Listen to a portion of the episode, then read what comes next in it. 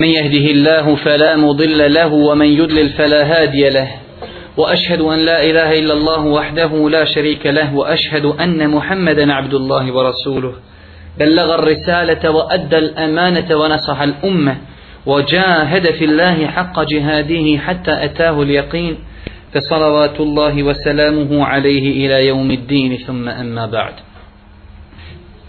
Braćo ما draga, Assalamu alaikum wa rahmetullahi wa barakatuh.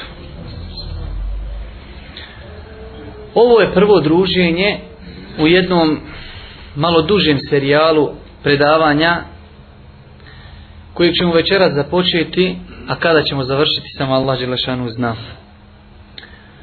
Naziv serijala je odgovornost oca u odgoju djeteta. Znači ovaj serijal će malo duže trajati gdje ćemo malo detaljnije i opširnije govoriti o ovoj tematici, govoriti o mjestu oca u porodici i njegovoj ulozi u odgoju djeteta. Realnost, braćo moja draga, je ta da skoro ne bi trebalo spominjati faktore i razloge koji su mene ponukali da govorim o ovoj tematici. Ali reda radi kako bi se u nama probudila želja za slušanjem onoga što ćemo izložiti, spomenut ću nekoliko faktora koji su mene ponukali da govorim o ovoj tematici, a ujedno te stvari ukazuju na bitnost ove tematike. Prva stvar zbog koje sam odlučio da govorim o ovoj temi jeste neispravno svatanje uloge oca u porodici od strane mnogih očiva. Zasigurno, braćo moja draga, je ovo jedan veoma bitan faktor i kada ne bi bilo drugog faktora koji ukazuje na bitnost ove tematike, to bi bilo dovoljno da čovjek pokrene i počne čitav serijal emisija na ovu temu. Ako pogledamo objektivno na naše stanje, naše stanje ovdje, a i naše stanje malo šire, stanje ljudi koji nas okružuju, vidjet ćemo, braćo moja draga, da je stanje očeva i da je očinska institucija generalno u jednoj velikoj krizi. Bez obzira znači kojim sloju i staležu ljudi insan pripadao taj otac. Da li bio praktičar vjere ili ne. Zato vas pozivam da ovo što čujete shvatite da je vama upućeno. Odnosno nama upućeno, a nakon toga širi masama. Očevi u velikom broju slučajeva ili nisu znali, ili su zaboravili, ili se na kraju krajeva indolentno odnose naspram svoje uloge u porodici. Dosta puta se zaboravlja da je čovjek, da je otac glava porodici. Čovjek, otac, brižan otac ne bi nikada trebao da zaboravi da će na sudnjem danu stroge i precizne račune polagati za svoje podanike. A njegovi podanici su na prvom redu njegova porodica koja u svakom slučaju na prvom redu obuhvata njegovu djecu. Svima nama je poznat hadis Abdullah ibn Omera u Buhari i Muslimu. Hadis kojeg smo toliko puta slušali, ali se bojim da smo malo puta zaustavili se kod tog hadisa i počeli razmišljati o njemu. Kaže Allah poslanik Ih salatu wasalam, svi ste vi pastiri i svi ćete biti pitani o svome podaništu. Pa počini i kaže, imam vođa muslimana prijesednik, je pastir onih koji su mu podređeni i bit će odgovoran za njih. Pa onda dalje, kaže, otac, muž je pastir u svojoj porodici i bit će pitan. će pitan za svoju porodicu. Pa onda ide dalje, Allah poslanik pa kaže, i supruga, žena, je pastir u kući svoga muža i bit će pitana za njegovu kuću i za njegovu djecu. Pa završa Allah poslanik kaže, svi ste vi pastiri i svi ćete biti pitani za svoje podanike. Ovaj hadis, braću moja draga, trebao bi da se neprestano vrti u našim mozgovima. Ako na to sve pridodamo riječ uzvišnog Allah subhanahu wa ta'ala gdje kaže Ja ejuhel ladina amenu ku anfusakum O vjernici, čuvajte sebe u ahlikum nara i porodice svoje od vatri. Čuvajte sebe i porodice svoje od vatri. Kako da čovjek čuva sebe i porodicu svoju od vatri? na način što će tu svoju porodicu usmjeriti u islamskom pravcu, odgojiti svoju djecu, svoju suprugu i sebe na kraju krajeva onako kako od nas zahtjeva islam. Zasigurno ovi hadisi i mnogi drugi i ovi ajeti bi trebali čovjeka da morališu, da mu daju elana, morala, da se što više posvjeti svojoj porodci. Ako nam je to jasno, onda je zaista čudno stanje onih očeva ili ovih očeva kada vidimo kako se očevi indolentno odnose nemarno prema svome podaništvu. Prvo ćemo početi iz ovih krugova. Koliko puta nam se dešava da imamo braću koja su nekada govorili komunistički sistem nam je nanio velike probleme, odrasle su generacije, mi ćemo ako Bog da odgajati svoje generacije u islamu. Pa vidite čovjeka ima dijete 15 godina, faktički dijete još ne zna klanjati. Šta je to, braću moja draga, osim nemar kada je u pitanju odgoj porodice? A ako odemo malo u mase, vidjet ćemo koliko negativnih rezultata je polučilo za postavljanje očinske institucije.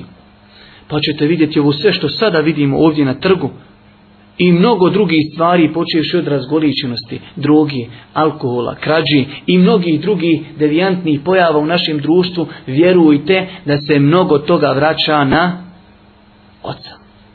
Očevi su zakazali i zato tražimo. prvi faktor koji mene ponukao da govorim o ovoj tematici jeste neispravno svatanje očevi ulogi u porodici od strane velikog broja očeva. I zasigurno kažem da u velikom broju slučajeva svi mi potpadamo pod ovaj pojam. Druga stvar koja me je također ponukala da govorim o ovom jednom, odnosno da započnemo ovaj jedan duži serijal predavanja jeste mnoštvo negativnosti koji proizil, koje proizilaze iz zapostavljanja očinske uloge u porodici.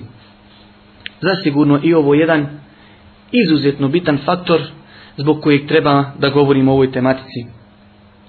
Ako otac zapostavi svoju ulogu u porodici i ako pod navodnim znacima postani metla za vratima, vidjet ćete, braćo moja draga, da će to polučiti mnoge negativnosti kako po njega, njegovu porodicu, tako i društvo u kojem živi. Opet kažemo, sve ovo što vidimo na našim ulicama, opet je ovaj rezultat i plod postavljanja te očinske institucije. Pogledajte samo malo unazad, dok su očevi koliko toliko vodili evidenciju o svojoj porodici, mnogo manje problema je bilo na našoj ulici. Ja se sjećam, moj otac i moje amiđe su govorili kako su njih, njihovi malo stroži odgajali nego što danas vidimo da ljudi odgajaju svoju djecu. Nerijetko je bilo da se kaže u kući se nije mogla staviti večera dok svi ne klanjaju akšan. To je samo onako jedan pokazatelj. I dok su očevi malo više pažnje posvećivali svojoj porodici, zasigurno je bilo manje problema na našim ulicama. A danas, kada su očevi zapostavili svoje mjesto u porodici, vidimo sve šta imamo na ulici, vraću moja draga.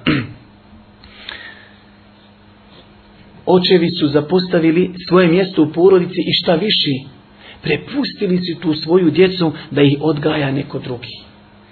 Ko će ih odgajati? Odgajat ih ulica, odgajat će ih ovaj trg, odgajat će ih kafić, odgajat će ga satelitska antena, odgajat će ga internet a koga budu odgajale spomenute stvari, teško se njemu veliki siromah je. Zato kažemo, braćo moja draga, na taj način da očevi zapostavi svoje mjesto u porodici, to je, braćo moja draga, kao da sobstvenim rukama mutimo jedini izvor pitke vode u našem društvu. Zamislite kako bi bilo paradoks, paradoksalno da čovjek ima samo jedan izvor pitke vode. I on svaki dan dolazi i muti taj izvor i zagađuje ga. Što bi rekli za takvog čovjeka? Pa sumnjali bi u njega. Tako i mi, braću moja draga, zapostavljajući tu instituciju očinstva, mi nismo svjesni da mutimo sebi vodu, pitku vodu od, od koje ovisi naša egzistencija u ovom društvu. Pogledajte šta mi imamo u društvu. Ne smiješ ostaviti auto otključan, ukrašćen neko. Zašto? Zato što to dijete koje će ukrasti to auto nije odgojeno kako treba. Sami sebi otežajemo život u ovom društvu, a nemamo gdje drugo. Nema druge planete da idemo na drugu planetu. A s druge strane, ako pridodamo na sve to činjenicu da nas zapostavljanje te institucije ne samo može koštati na Dunjaluku, može i na žestoko koštati na Ahiretu. Jer vidjeli ste onaj hadis koji smo malo prije spomenuli, a u drugim vjerodostojnim hadisima Allah poslanik alaih sallatu wasalam kaže kojem god insanu Allah daruje neko podaništvo, neki emanet i on ga zloupotrebi i ne ispuni, Allah će mu kaže zabraniti džennet. Pa postoji li veći emanet od emaneta odgoja djeci? Znači tu nas može, braćo moja draga, koštati opasno na dunjaluku, a može nas koštati opasno i na ahiretu. I na kraju, treći faktor, i tu ćemo se ako Bog da i zaustaviti kada su u pitanju faktori, ne nepostojanje, braću moja draga, kadrova koji ukazuju na ovaj problem. Ili s druge strane, oni koji ukazuju na njega nisu kompetentni. Pogledajte samo koliko je institucija koje od države uzimaju pare kao navodno trebali bi da se bore protiv ti nekih devijantnih pojava u društvu. A kako se oni bore protiv tih devijantnih pojava, primjera radi, kada govori o sidi, za koju svi znamo kako se najviše širi prostitucijom i bludničenjem, i oni na tu bojavu gledaju tako da kažu, kada savjetuju omladinu, kažu trebate koristiti prilikom bludničenja, prezervative, kako ne bi došlo do sidi. Neće da kažu ne trebate to učiniti, ne. I dalje vi putem džehennema i putem šetanove vojske, samo eto zaštitite se od sidi. I zato kažemo, izuzetno je potrebno da govorimo o ovoj tematici. A s druge strane, to su znači imamo oni koji govore, a nisu kompetentni. Ali generalno gledajući, postoji jedno veliko pomankanje kadrova koji ukazuju na ovaj problem. Koliko je ljudi u čim ingerencijama je da govori o tome. Ali vidite jednostavno da ljudi šute i ne smatraju da treba da govori o tome. To je, braćo moja draga, nešto o faktorima i mislim da ovaj svaki faktor je dovoljan da počnemo jedan opširni serijal emisija o kojima ćemo govoriti o ulozi oca u porodici. Na samom početku, prije nego počnemo govoriti o tim nekim stvarima, i ulogi oca, treba spomenuti, braću moja draga, i jasno kazati da je vjera Islam odlikovala muškarca nad ženom. Odlikovala ga i dala mu dodatni obaveze. Uzvišeni Allah Đelešanu stvoritelj zemlje i nebesa najbolje zna šta kome odgovara i tako zna šta ko od supružnika može nositi i šta može adekvatno ispunjavati. Tako uzvišenje Allah subhanahu wa ta'ala je učinio da je muškarac glava porodici i da njemu pripada i da njemu pripada vodstvo porodici. To ni u kom slučaju ne znači uskraćivanje prava ženi, već to znači davanje prava i obaveza svakome onoliko koliko može ispoštovati, koliko može ponijeti. Kaže uzvišeni Allah subhanahu wa ta'ala ar rijalu qawwamuna ala nisa bima faddalallahu ba'dahum ala ba'din wa bima anfaqu min amwalihim. Muškarci su nadređeni ženama. Riječ uzvišenog Allah subhanahu wa ta'ala muškarci su nadređeni ženama zato što ih Allah odlikova jedne na drugima i zato što oni troši svoje imetke. Znači, ovo nam je bitno. Zašto? Zato što ćemo cijelo vrijeme se pozivati na oca. I govorimo ocu. Zašto govorimo ocu? Zato što je otac glava poroci. Zato što ga je Allah zadužio. U jednu ruku ga odlikovao. Da je on glava poroci. Ali s druge strane i to je odlika, ali i odgovornost. Mi smo u jednom od naših prošlih pre, ovaj, predodnih predavanja govorili o pravima djeteta u islamu. Večeras ćemo to nešto samo rezimirano spomenuti kako bi zaokružili ovu jednu cjelinu, kako bi spomenuli i to da otac iako je pastir, od njega se očekuju određeni ovaj određeni uvjeti su mu postavljeni, odnosno njegovo podaništvo ima kod njega prava. Mi ćemo spomenuti neka prava, znači djeci, pošto konkretno govorimo o ocu i odgoju djeci. Normalno, svi mi znamo kada govorimo o djeci da treba spomenuti i brak. Jer brak je jedini validan način kako možemo u kontinuitetu održati ljudsku rasu, ljudski rod. Islam je vjera koja izuzetno mnogo pažnje posvećuje ovom segmentu ljudskog života i naći ćemo da je Allah poslanik alaihi salatu wasalam izrekao mnoge hadise u kojima postiši postiše svoj umet na brak. Allahu poslanik najbolji pedagog, najbolji učitelj, znajući šta u jednom društvu predstavlja omladina, šta u jednom društvu znači jedan omladinac prepun snage, izrekao je u tom poglavlju mnoge hadise. Jedan od njih je poznati hadis svima nama, u kojem kaže Allahu poslanik, o skupinu mladića, ko od vas posjeduje uvjete za brak, neka se ženi, na taj način će sačuvati šta? svoj pogled i svoj spolni organ. Ako ne može, neka posti i to ćemo, kaže, biti štit. Također u drugom hadisu Allah poslanik ali salatu wasalam vjerodostojnom hadisu kaže ko se oženi upotpunjuje pola vjere a neka se boji Allaha za onu drugu polovicu. To su samo neki hadisi iz kojih možemo shvatiti da islam postiče na ženitbu. Nakon toga nam dolazi jedno pitanje koje se samo nameće, a to je ako nam je Islam preporučio da se ženimo, jel to znači da treba da oženiš bilo koga? Ne. Islam opet nam preporučuje koga da ženimo. I zaista je malo ljudi koji u početku braka razmišljaju o tome da kada se ženi da traže pedagoga i učiteljicu za svoje dijete žalosno je kažemo da malo ljudi razmišlja o tome, ali braćo moja draga znajte da posljedice toga će čovjek zasigurno, zasigurno osjetiti kroz svoj brak. Čovjek kada se ženi, nakon što ga je vjera postakla da se ženi, treba prioritet u svemu tome da mu bude da traži ženu vjernicu, koja će sutra biti prva i najbolja i zadnja učiteljica njegovom djetetu. Svima nama su poznati hadisi u kojima Allah poslanik ali se ratu preporučuje da se žene, žene koji su vjernice ženu, žena se znači uzima zbog jedne od četiri stvari, ali na kraju kaže Allah poslanik ali se ratu a ti uzmi vjernicu, Allah ti se smilovao.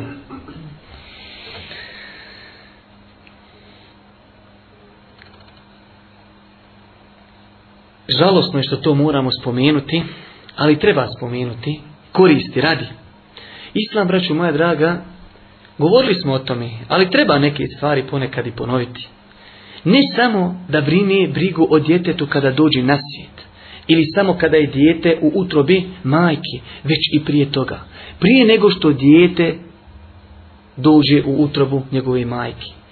Zašto ovo spominjem? Zato što me je iznenadilo da imate ljudi koji prakticiraju vjeru i sestara koji prakticiraju vjeru, i da nikada nisu čuli da je Allah poslanik preporučio da se uče dove prije spodnog odnosa.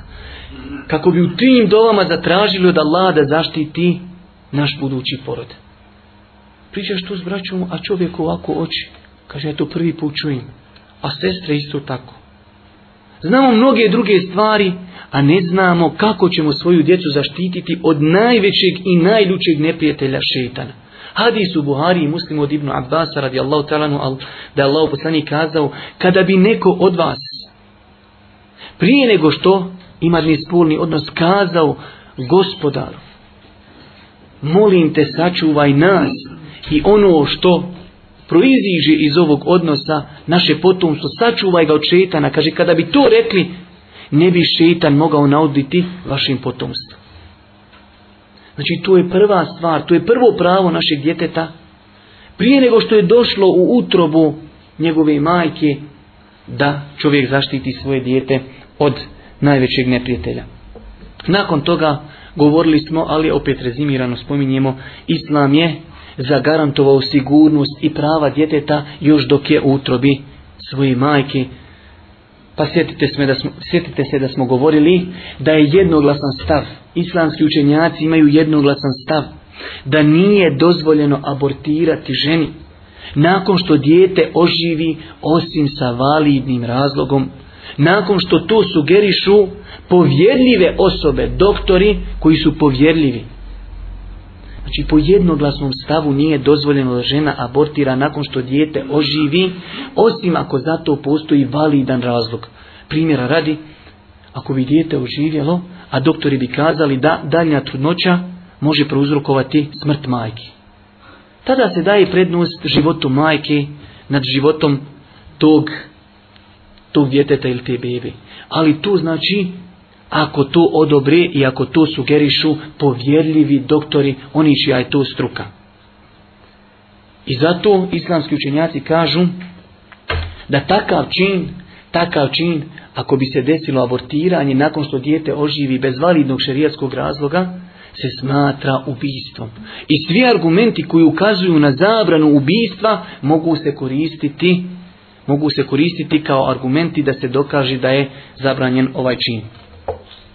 Nakon toga postavlja se pitanje, vidimo da Islam vodi evidenciju i mnogo pažnje posvećuje dijetu prije nego dođe u utrobu majke, pa mnogo pažnje mu posvećuje kada je u utrobi majke, čuva njegova prava. Je li moguće da je Islam toliko tada pazio na njega i nakon rođenja da zapostavi to dijete i prepusti ga ulici, prepusti ga diskoteki, prepusti ga internetu i ostalim šeitanijama. Zasigurno nije tako, vraćam moja draga, ovaj, i kada bi bilo tako, to bi ukazivalo na krnjavost i propuste ove vjeri, ali ova vjera je savršena od uzvišenog Allaha subhanahu wa ta'ala i zasigurno nije tako. Nakon rođenja Islam nam propisuje da našem djetetu nadjenimo lijepo ime. Jer, zašto, braću moja draga? Lijepo ime zato što će čovjek tokom cijelog života biti prinuđen da sluša taj, to ime i taj poziv. I ne daj Bože ako to dijete ne bude imalo lijepo ime. Čitav život valja, treba da sluša kako ga ljudi dozivaju sa imenom s kojim on nije zadovoljan. I zasigurno to može ostaviti mnogo traga na dijete. Nakon toga dolazi poznati propis klanje akike, znači islam kao savršena i potpuna vjera, dozvoljuje muslimanima da kada je Allah uzvišeni počasti porodom, da kao vid zahvalnosti uzvišenom Allahu subhanahu wa ta'ala zakolju kurban. Žalostno je što je taj sunnet počeo tek u zadnjih nekoliko godina, hajde da kažemo da se prakticira, a bio je zasigurno zapostavljen i nepoznat našim podneblju, i dalje je nepoznat. Možda je u našim krugovima to poznato, ali i dalje širim masama je to nepoznato. A vjerujte da klanja akike ostavlja velike tragove kako na novorođenče, tako i na njegove roditelje. Zato kaže Allah poslanik se svako dijete, svako dijete vezano je za svoju akiku koja se kolje sedmi dan po njegovom rođenju, isti dan mu se obrije glava i nadljene ime. Još je više žalosno od toga, znači muslimani ne znaju za ovaj sunnet, ali je više žalosno što su oni u svom neznanju posegnuli još malo dalje, pa su otišli u oponašanje i sliđenje nevjernika, pa ćete vidjeti kako muslimani organiziraju proslave rođendana i još više od toga te proslave rođendana dosta puta budu popraćene sa stvarima koje su strogo zabranjene šerijatom kao što je ovaj žena, muškaraca, pijenje alkohola, muzika i mnogo drugih stvari. Nakon toga dolazi pravo da dijete uživa pravo kod svojih roditelja, da trebaju da ga, odsun, da ga osunnete. Allah poslanik ali je izrekao mnoge hadise u tom poglavlju, neki od njih su čak u naredbenoj formi, što zasigurno ukazuje na visoko mjesto tog čina u ovoj vjeri. I na kraju, zadnja stvar, nju smo spominjali prošli put također malo opširnije dijete, od njegovih prava jeste i to da dijete ima pravo na prirodan način izrani, to jeste ima pravo ima pravo da ga majka hrani iz grudi. Allahu poslanik alejhi salatu vesselam je u vjerodostojnom hadisu kazao da jedne večeri vidio usnu mnoge stvari, između ostalog vidio je žene čije grudi grizu zmije. Pa je upitao one koji su bili sa njim, ko su ove osobe? Pa su mu odgovorili, to su oni koji su svoje djeci uskraćivale majčinsko mlijeko. Ako na sve to pridodamo i naučni činjenice i naučna dostignuća koja su inšala poznata svima nama i čak ovaj i djeci u osnovnoj i srednjoj školi da nema ništa adekvatnije za dijete od majčinskog mlijeka, onda će nam sigurno jasno biti zašto je Allah poslanik alaihi salatu wasalam na ovakav način na ovakav način se obraćao po ovom pitanju. Napokon da počnemo govoriti, braću moja draga, o ovoj našoj tematici. Kazali smo da će to biti jedan duži serijal. Zasigurno će se on povremeno prekidati kako bi možda ponekad obradili određenu tematiku koja je sekundarno potrebna da se govori o njoj. Ali počet ćemo govoriti o osobinama koje bi trebao da ima i posjeduje pri sebi brižan otac. Otac koji osjeća odgovornost odgovornost u porodici. Večeras ćemo kratko onaj i zbog vrućine, a i zbog ovaj mnogih drugih nekih razloga. Spomenut ćemo samo jednu osobinu, a u sljedećem predavanju ćemo, ako Bog da, nastaviti sa osobinama koje bi trebao da ima i koje bi trebale da krasi brižnog oca. Oca koji je shvatio koliko breme je ponio samim tim što ima porodicu i što ima podaništvo. Prva osobina, i smatram, braću moja draga, da trebamo mnogo pažnje posvetiti ovoj osobini. Mi konkretno. Mislim da je to jedno svojstvo izuzetno zapostavljeno, a vidjet ćete, da treba da mu se posveti mnogo pažnje. Čovjek musliman bi trebao da bude uzor primjer svojoj djeci u svakom pogledu.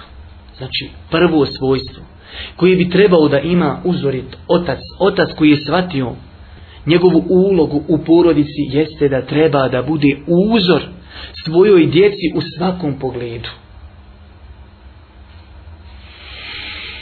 Smatram, rašu moja draga, da je ovo zasigurno jedan, pa ako ne najbitniji faktor, odnosno jedna najbitnija osobina koju bi trebao da ima brižan otac pri sebi, onda je to zasigurno jedna od najbitnijih osobina kojima bi trebao čovjek brižan, musliman, vjernik, otac da posveti mnogo pažnje Svi smo mi uvjerili se u istinitost činjenici da djeca, mališani, smatraju da sve što čine odrasli, da je to ispravno.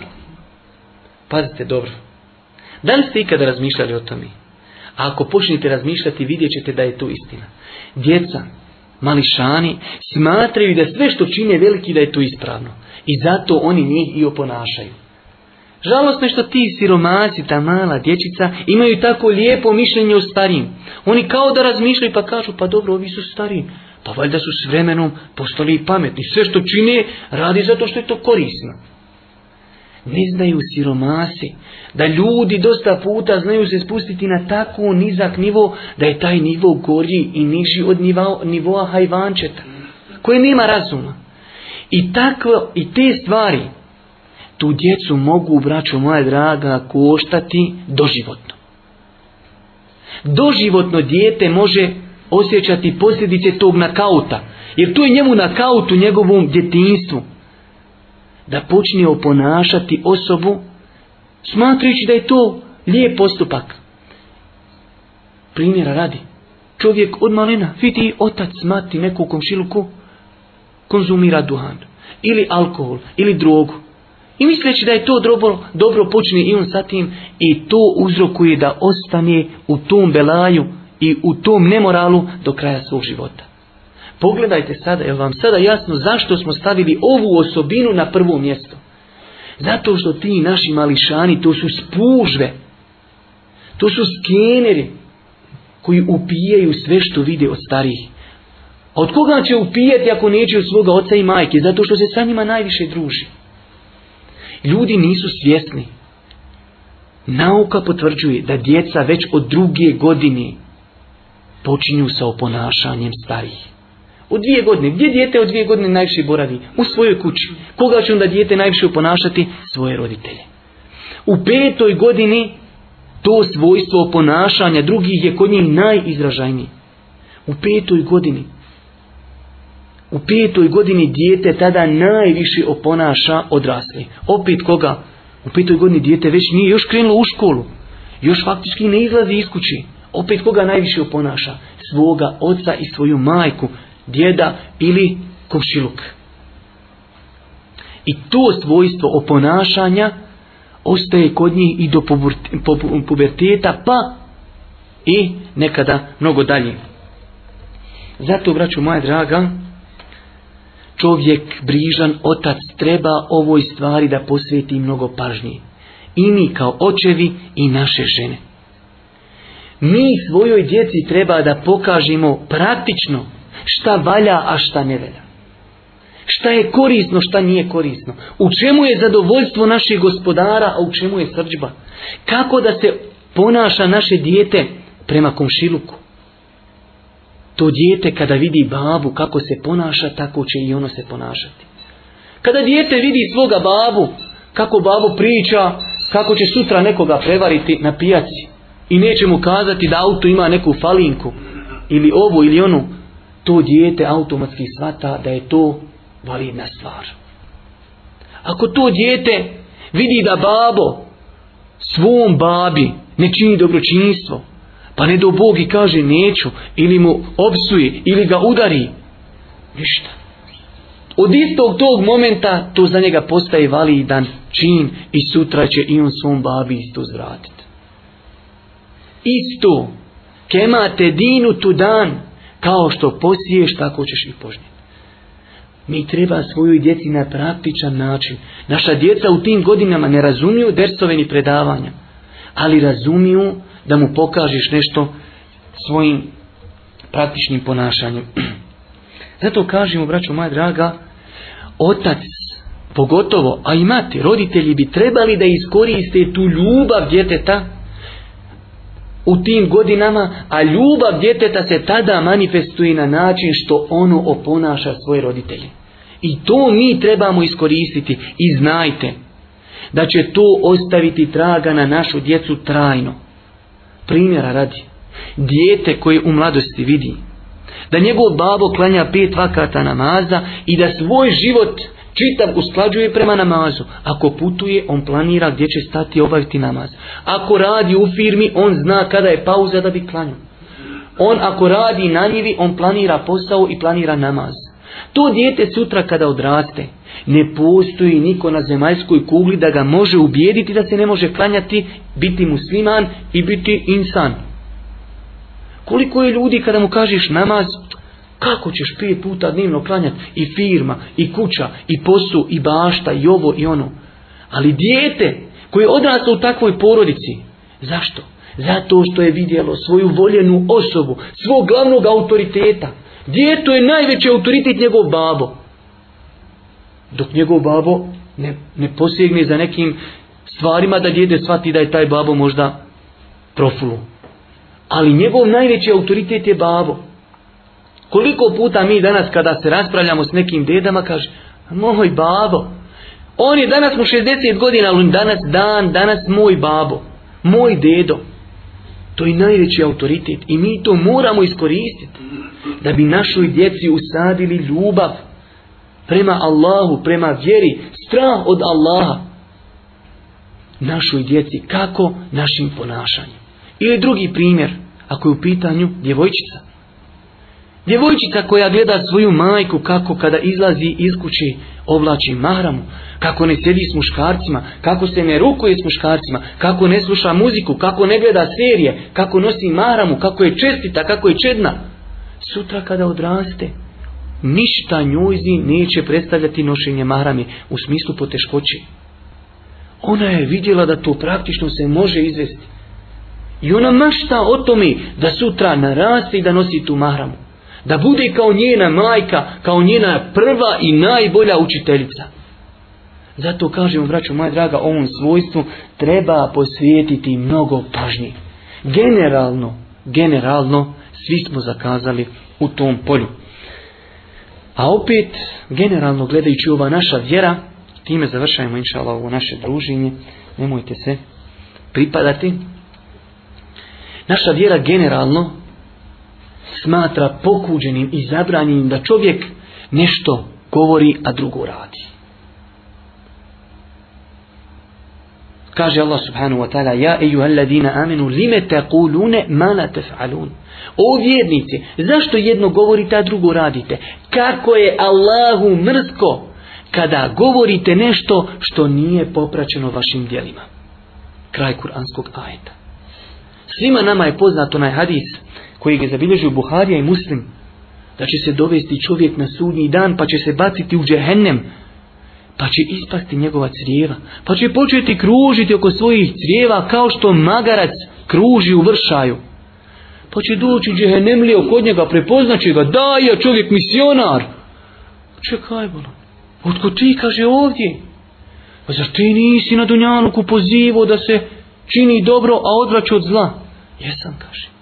Ja sam pozivao da se čini dobro, ali ga ja nisam činio. Ja sam odvraćao od zla, ali ga kaže ja činio. Pogledajte, braćo moja draga, kako teške kazne čekaju one ljude koji ne razmišljaju o tome.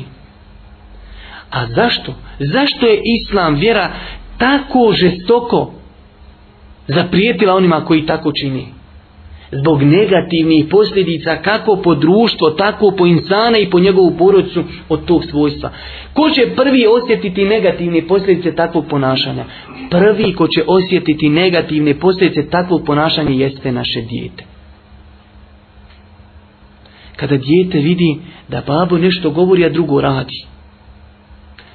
Prva osoba koja će osjetiti negativne posljedice od svega toga jesu naša djeca.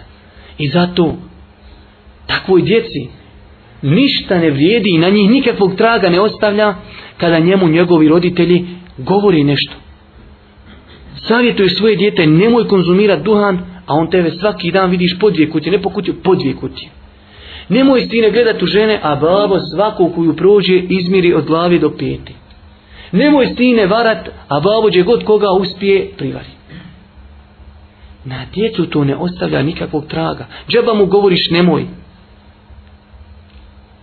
za njega je najveći argument babin postupak. To je, braću moja draga, sve što sam ja želio da vam kažem večeras.